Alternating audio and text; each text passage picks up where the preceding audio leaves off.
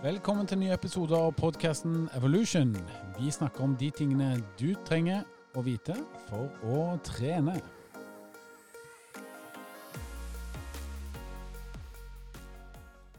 Velkommen til eh, siste episode før eh, sommeren 2020. Henning heter jeg og er på plass eh, som vanlig. Og jeg har med meg Andreas Olav Skjetne, den eminente.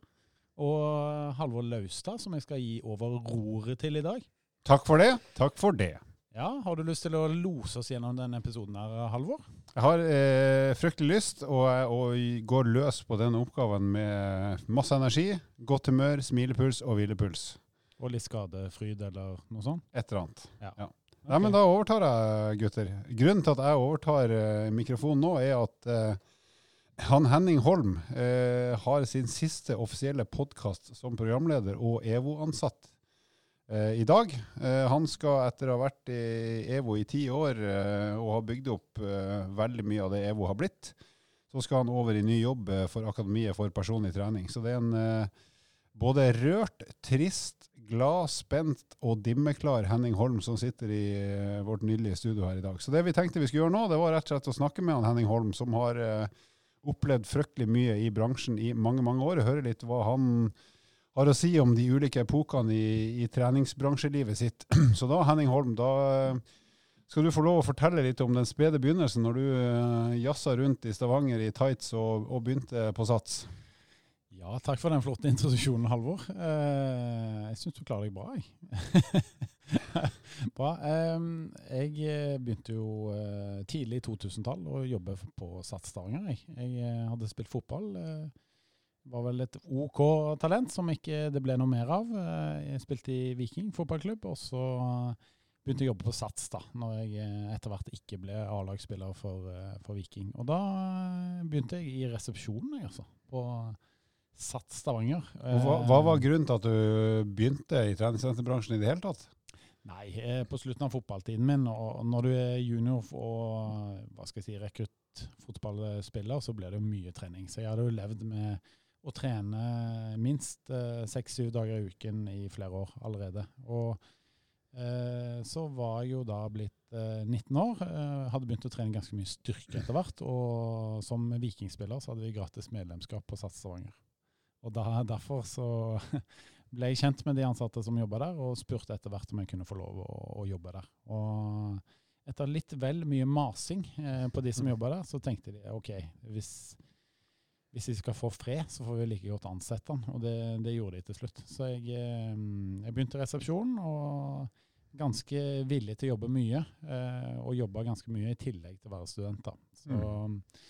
Eh, så ble jeg jo sykkelinstruktør, jeg ble treningsveileder, jeg ble medlemsrådgiver, som betyr egentlig selger av medlemskap da, på mm. treningssenteret, i løpet av ganske kort tid. Så du ble egentlig en alt, altmuligmann eller altmuligperson på senteret, som er gull verdt, at du kan egentlig gjøre hva som helst, steppe inn på kort varsel og håndtere salg og, og folk på restitusjon og ellers. Så det Sånne folk er jo fortsatt viktige på treningssenter. Absolutt. Og på disse SAT-sentrene så er det sånn at de har veldig mange forskjellige funksjoner på senteret. Så jeg, eh, jeg jobbet stort sett hver dag, men i litt forskjellige roller fra dag til dag. Har du på noe tidspunkt i ditt liv vært gruppetreningsinstruktør i sal? Ja, det har jeg. Jeg har hatt bootcamp-timer, som er styrkesirkel, mer eller mindre. Eh, det var vel datidens eh, spede hva skal jeg si, start på crossfit, på en måte. Mm. Så sirkeltrening og styrketrening Um, og så ble jeg kastet inn på sånne mage-rygg-timer. Uh, fordi at folk trodde at siden du er PT, så kan du vel det òg. Men uh, det kunne du ikke. tilbakemeldingen var delte, for å ja, si det sånn. Det ble ikke fornya tillit? Nei. Jeg eh, fungerte nok best som bootcamp-instruktør eller som sykkelinstruktør. Mm. Ja. Men uh, når begynte du på denne veien til å bli personlig trener? Var det sånn med en gang, eller tok det litt tid?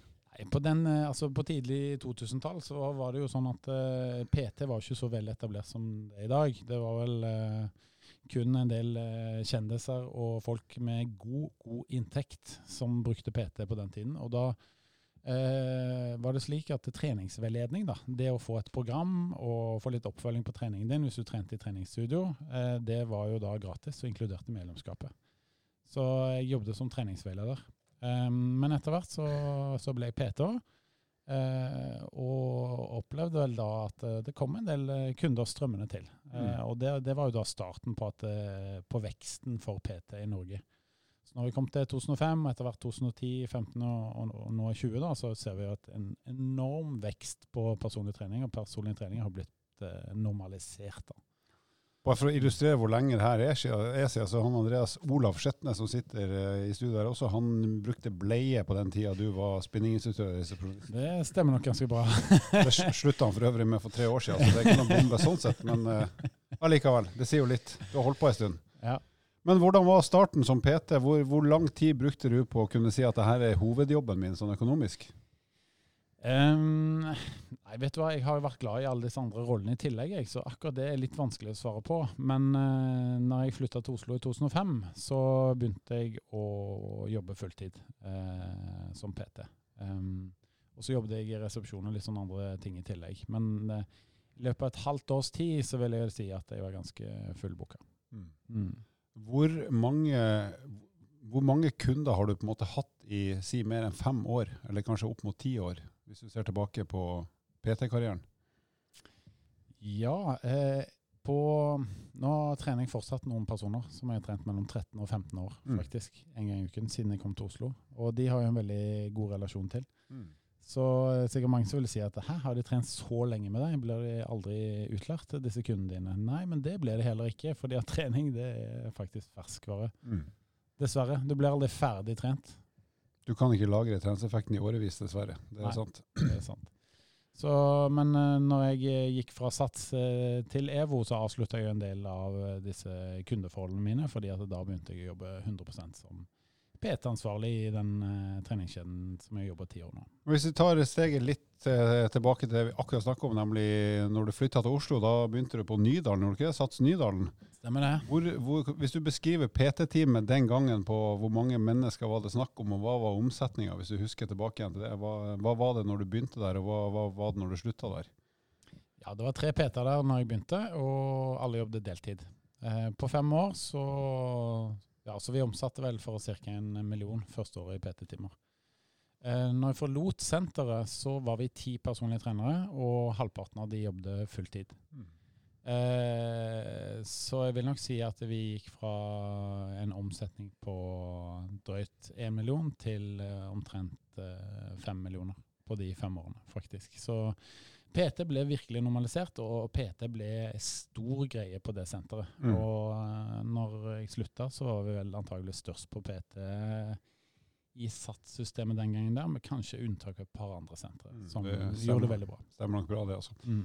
Så hopper du over til EVO og var med der fra starten av. og Hvordan var den reisen der fra å ha vært en uh, veldig profilert PT i SATS, og for så vidt ansvarlig for mange PT-er òg? Mm så skulle du begynne på noe nytt som ingen egentlig visste hva skulle bli, eller hva det ble?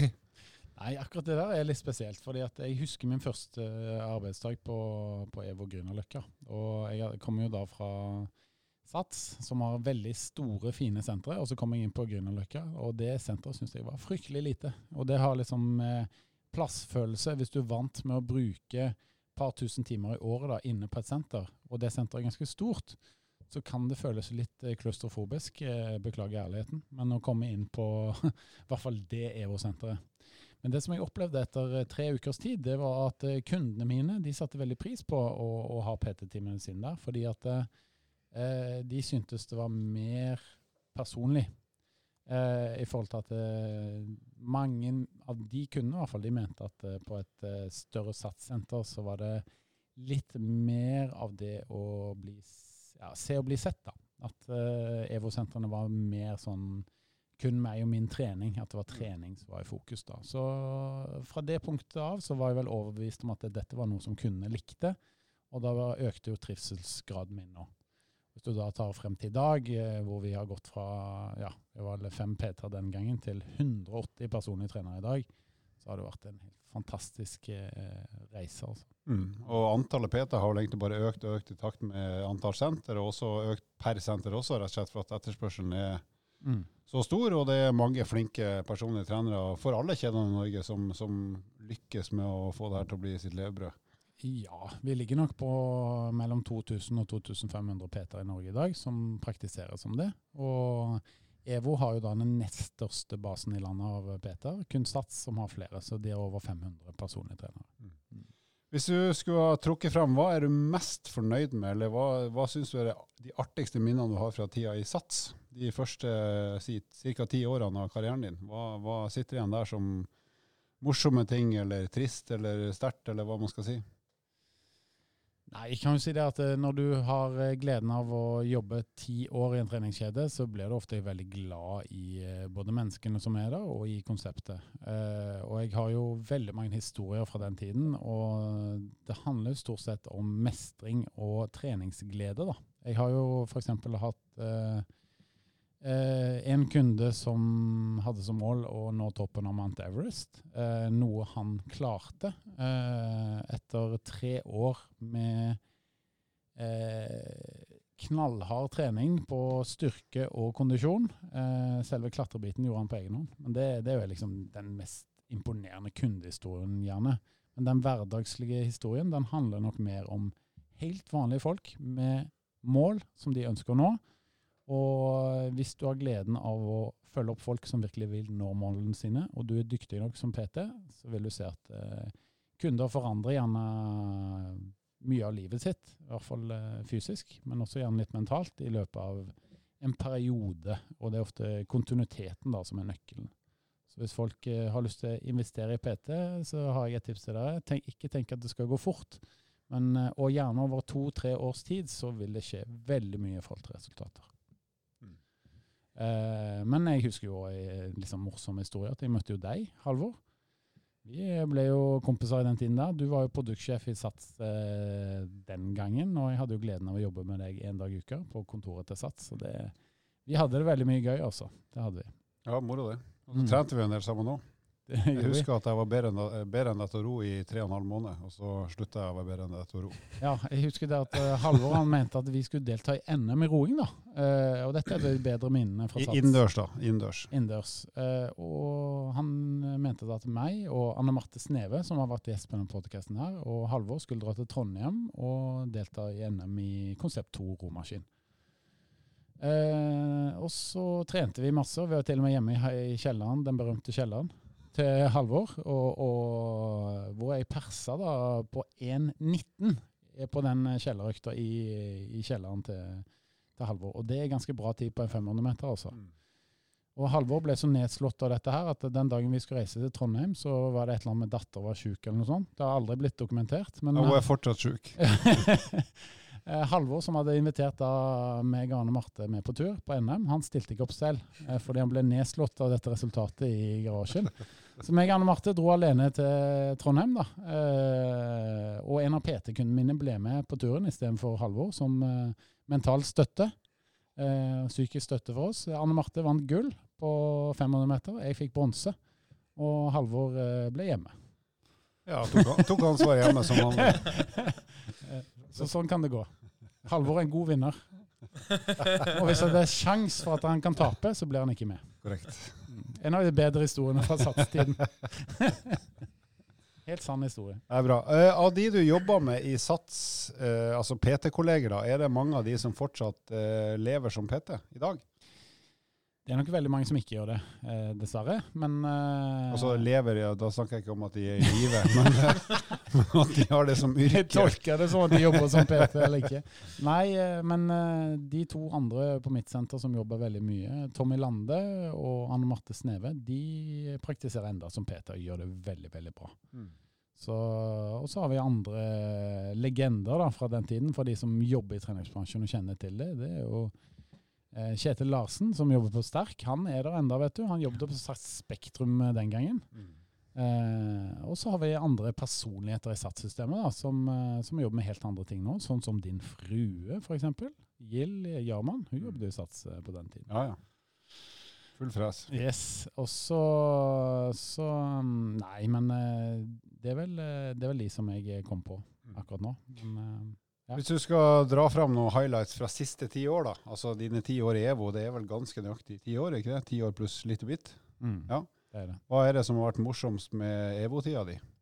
Nei, Det som har vært spesielt med EVO, det er å ta steget ut fra å være fulltids-PT og være en av eh, hva skal jeg si, PT-ene som jobber for progresjon, til å bli en eh, PT som ikke bare jobber for kunder, men som jobber for andre PT-er. da, At andre PT-er skal få det til. Mm. Det har vært den største endringen. Så jeg har tatt ansvar for å, at uh, EVO skal få flere PT-er, at det skal eh, profesjonaliseres i forhold til PT-biten. At uh, uansett om du går inn på et senter i Bergen, eller Tromsø, eller Oslo eller Sandefjord, så skal du få en dyktig PT som kan ta vare på deg. Så det er det jeg har hatt ansvar for. Å lage et PT-produkt som, som er av god kvalitet, eh, og som leveres over hele landet. Så det, det har vært en fantastisk reise, som jeg er veldig stolt av å ta del av.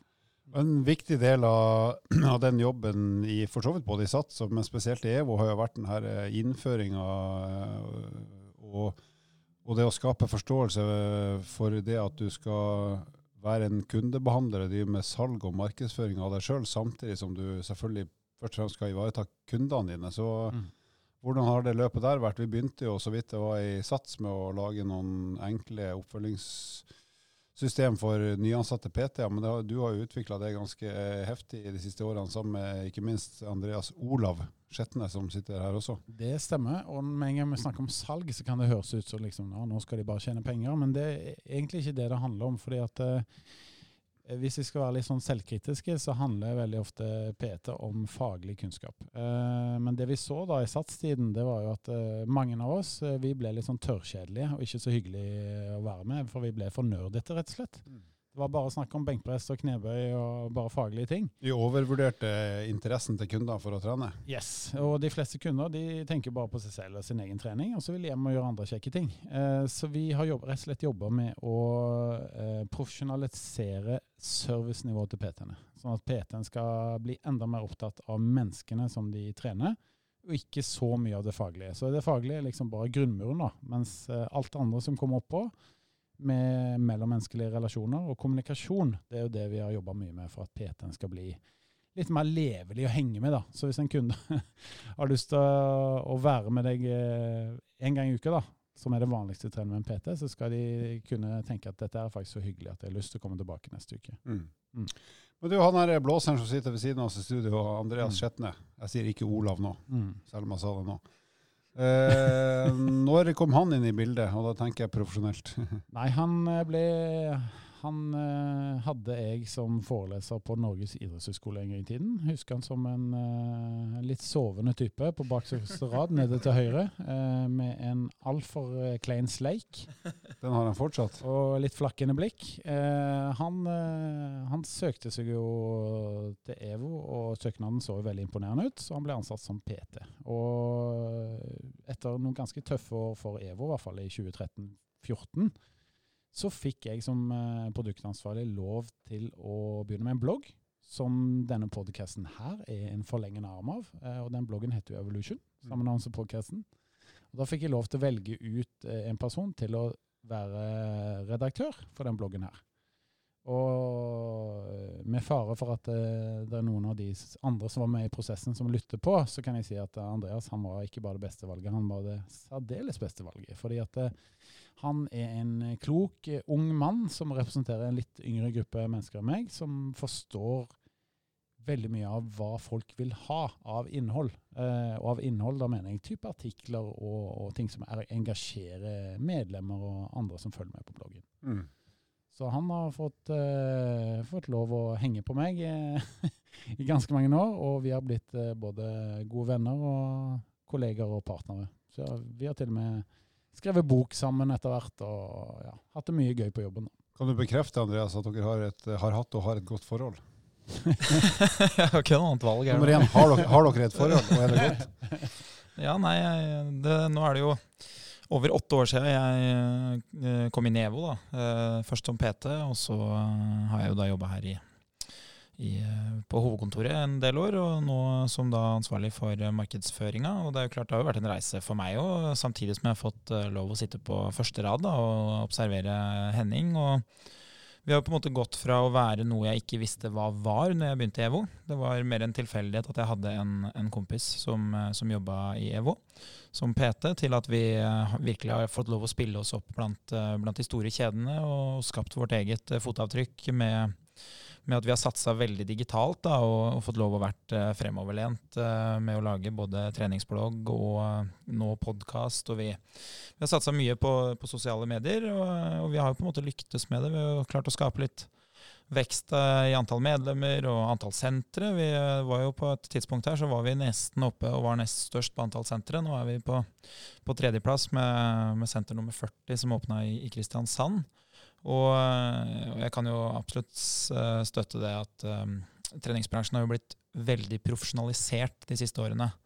Man ser jo, som eh, dere var inne på i stad, at mange av de som jobba i treningsbransjen før, de jobba i forskjellige roller, mens nå ser man at det blir mer utvanning. Det dukker opp flere mennesker fra andre bransjer som kommer inn i viktige roller for å, for å ta del i det å løfte bransjen enda et, enda et hakk til. Så eh, det har jo absolutt vært en reise, eh, både personlig, men også i, eh, i det å liksom se hvordan treningsbransjen har utvikla seg. Da. Og jeg tror jo Henning er mye, inne på mye av, mye av det som har vært endringa òg, fra at man hadde treningsveilederjobb hvor man egentlig gjorde litt som man ville og hadde lønn, til at man i dag er fullt ut profesjonell og, og driver sin egen lille butikk som personlig trener. Da. Hvis du skulle si noen rosende ord om Henning, det blir jo litt, kanskje litt for klisjete her, men uh, du har jo tross alt vært såpass mange år i bransjen Henning, og gjort så mye, mye brukbart og så lenge, så vi får jo koste på oss litt ros fra han, uh, han som uh, du tok inn i EVO, og som har utvikla seg veldig godt sjøl òg. Uavhengig av alle andre òg. Men hvis du skulle beskrive han Holmen med en to-tre ord som er av det positive slaget, hva vil du si da? Nei, ja. Nei, det, Bruk 100 alltid, år. Alltid mulighet til å skryte av noen, det må man benytte seg av. Men uh, det som er uh, helt unikt uh, mening, da, det er at han, han, ser de menneskene rundt seg, uh, uavhengig av utgangspunkt. Og jeg har jo da de siste åra forelest en del med han også, og, og, det å ta interesse i de menneskene man i utgangspunktet ikke kjenner, det, det gir jo noe til, til, han, men det gir også veldig mye til de som, som blir sett.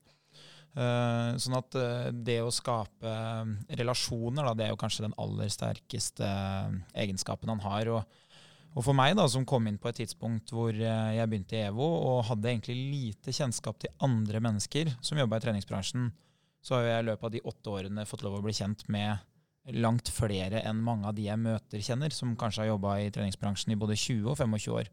På bakgrunn av at Henning har da bevart relasjonene, men også skapt de på et eller annet tidspunkt. da. Så, så, det er jo en, en, personlig egenskap. Eh, så vi tuller jo ofte med å kalle den for Pastor Holm, men det er jo, eh, det er jo fordi at han, han, er god til å skape, skape en menighet rundt seg. Så, men det andre som på en måte kanskje er det, det sterkeste bildet jeg har på han, da, det er jo i veldig mange settinger så hadde det vært fryktelig enkelt å, å sette på seg sjøl som kanskje en person med litt høyere verdi enn PT-ene, ettersom man uh, har en stilling som er overordna for, uh, for PT-ene. Først som leder for PT-ene, og så for, som leder for produkt. da. Uh, og det kan man jo òg gjøre som foreleser, der man har studenter. Men det som Henning har vært helt unik på, er jo alltid prate PT-enes sak. Da. Han er veldig god til å selv i sånne situasjoner som mange kunne sett på som kanskje litt sånn småkleint, så er han flink til å dytte inn det at PT betyr mye både for kundene på et personlig plan, men også for bedriften, som eh, i vårt tilfelle, da, som vi har jo da sentre uten bemanning. Så det er jo PT-ene hos oss som skaper varmen og innholdet i, eh, i treningssentrene. Så det å, det å, evne å hele tida ha tunga beint i munnen og liksom klare å, å, fremme det produktet selv i de situasjonene hvor, hvor det kunne vært litt enkelt å kaste PT under bussen eh, fordi det ikke er den største delen av virksomheten vår. da. Mm. Det, det, tror jeg det er mange uh, som i dag ikke er klar over, men som uh, trolig har mye å takke. da. At det har stått såpass sterkt i fokus, og at um, for EVO sin del altså er det jo Norges nest største treningskjede på, på PT-omsetning. Og, og, det er jo klart at uh, i de årene hvor vi ikke var det, så hadde det vært lett å nedprioritere det, men nå er det jo ingen som, som ønsker det. Nå, nå, blir det jo heller til at man ser til hva vi gjør. Mm. Bra. Det var relativt fortjente ord, Henning. Takk for det. Eh, får ikke lov å grine ennå, det får du gjøre på festen i morgen. Men eh, du skal jo videre i livet og i mm. yrkeskarrieren. Nå skal du til Akademiet for personlig trening, forkorta AFPT. Mm. Litt kort om hva er det du skal gjøre der, og hva håper du å utrette der i en fem, seks, sju, åtte, ti år? Ja, eh, Akademiet for personlig trening er da Nordens største utdanning for personlige trenere. Eh, jobber, de jobber mest ut fra Norge, men er store på det de gjør. Og jeg skal jobbe der som daglig leder. Eh, det som har vært eh, mitt eh, hva skal jeg si, min kjernedrift gjennom alle disse årene, som Andreas er inne på, det er jo PT. Så jeg skal fortsette å jobbe videre med det. Men nå skal jeg jo da skaffe gode kandidater og studenter og dytte de videre til bransjen. da. Eh, så det blir kjempespennende. Og der ønsker jeg jo virkelig å nå ut til så mange som mulig. fordi at det PT-produktet her det fortsetter å vokse år for år, men ikke av seg selv. Så jeg må jo dytte folk i riktig retning, og forhåpentligvis eh, hjelpe enda flere mennesker til å jobbe med hobbyen sin. da. Mm. Eh, og det er jo en, eh, en gave, for å si det veldig enkelt, det å jobbe med hobbyen sin. Og det å gi den muligheten til enda flere mennesker, eh, det er vel det som er den største idealistiske drivkraften. Så, så får vi se, da. Men eh, det er jo en kjempegivende utdanning med utrolig mye eh, gode forelesere og veldig bra innhold eh, på pensum. Så mm, jeg gleder meg til å videreutvikle det og prøve å gjøre det enda bedre. Det liksom Hvis, hvis du skal spå eller tro om framtida, la oss si tre år fram i tid, hvordan, hvordan er livet som PT om tre år forskjellig fra hvordan det er i dag? Mm, og det, i grove trekk. Ja, og La oss starte med i dag først. da. Det som kjennetegner de fleste um, personlige trenerjobber i dag, det er at du jobber på provisjon. Uh, det betyr at du får betalt per time som du har. ikke sant? Uh, det kommer det nok til å fortsette med. Uh, og de aller fleste PT-er de jobber på senteret. Det kommer det nok til å gjøre i fremtiden nå.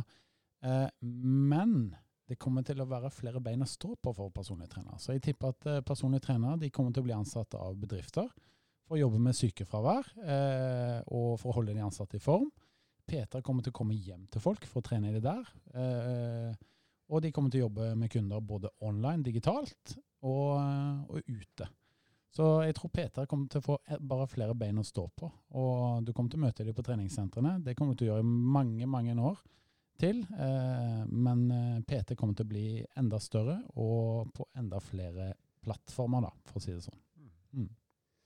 Ja, Henning, da skal vi avrunde for sommeren, og, og også avrunde med din eh, siste podkast som ansatt i EVO. Vi har vel en mistanke om at du blir gjest her eh, utover høsten, vinteren, våren, sommeren, høsten, vinteren, våren, sommeren osv. Forhåpentligvis. Men ikke hver gang, men eh, vi vet at vi kommer til å se deg. Eh, så med betraktning, så Første gang jeg så deg, så hadde du en eh, svart tights og ei svett T-skjorte. Og når du sitter her i dag, så har du en, uh, ei dongeribukse som er litt slakk i strikken, og en busserull med matflekker på. Jeg vet ikke om det sier noe om reisen du har hatt, eller om det er tilfeldig. Nei, det sier det at uh, på disse ti årene her i EVO, så har jeg klart å skaffe meg tre barn. Ja, det det, det. det betyr. uh, nei, men jeg er supertakknemlig for eh, de ti flotte årene jeg har fått med en fantastisk arbeidsgiver som EVO er. Uh, og hadde ikke vært for at jeg fikk en spennende mulighet, så hadde jeg nok ikke forlatt den skuta her. For det, det er et fantastisk sted å være, både som eh, ansatt, som PT og som medlem, forhåpentligvis. Eh, og så er det sånn at eh, nye utfordringer det tror jeg er bra for alle mennesker. så Derfor eh, så ble det den retningen der. Jeg har lyst til å oppfordre alle lytterne til å fortsette å lytte på den fantastiske podkasten, som jeg er superstolt av å ha vært en del av, med de to halvnakkene her, eh, Skjetne Laustad. Og så kommer det til å komme masse spennende gjester til høsten, og vi får vel eh, besøk av en type som heter Lars òg. Ja. Si litt om det. Lars Mæland kommer til å overta jobben din i stor grad her i EVO, og Ja. han kommer nok også til å bli en, eh, en vi skal høre mer til eh, i podkasten, og, og sikkert andre plasser også utover høsten. Mm. Så er det grunn til å komme med en advarsel, det ser ut at jeg får ansvar for å drive podkasten fra uke til uke. Men jeg håper å få inn så mange gjester at stemmen min ikke blir så hørbar som den kanskje har vært i denne episoden her. Det finner vi ut etter hvert. Det som gjerne skjer, da, det er når halvåret vært, så blir det litt mindre humor og litt mer seriøsitet fra Laustad. Så jeg er sikker på at mange av lytterne kjenner deg ikke igjen i dag. Nei, jeg har brent inne med hittil elleve kommentarer jeg har lyst til å si, men jeg må ta det etter at vi er ferdig. Jeg syns du klarer deg svært bra, Halvor. Takk, jeg er faktisk helt enig. Mm. Ja, men uh, Henning, vi får takke deg for uh, ikke, bare i dag, men uh, mange gode år. Og så ser vi fram til å høre deg igjen ganske kjapt. Og vi som sitter i studio, vi ser deg jo ukentlig. Mm. Så lykke til. God sommer. Ta vare på deg sjøl og busserullen og familien. Will do. Ja. Tusen takk, Halvor. Det var en var fin år, en fin avslutning. tips til dere der hjemme. Sett trening på agendaen. Få gjennomført den treningen til enhver tid. Eh, For trening det er en viktig, viktig del av, av livet. Ja, og trenger du noen gode tips til hva du skal gjøre i eh, sommer, så er det jo bare å scrolle litt nedover i eh, podkastbiblioteket. Det ligger jo noen episoder som er veldig konkrete på treningstips. Og hvis du har i løpet av det året som har gått, tenkt den tanken at det skal jeg teste en dag, så begynner vi vel å nærme oss at vi må teste det hvis det skal bli noe av. Så bruk sommeren til det. Med det sagt så skal jeg stjele Andreas sine ord. jeg. Sayo Nara.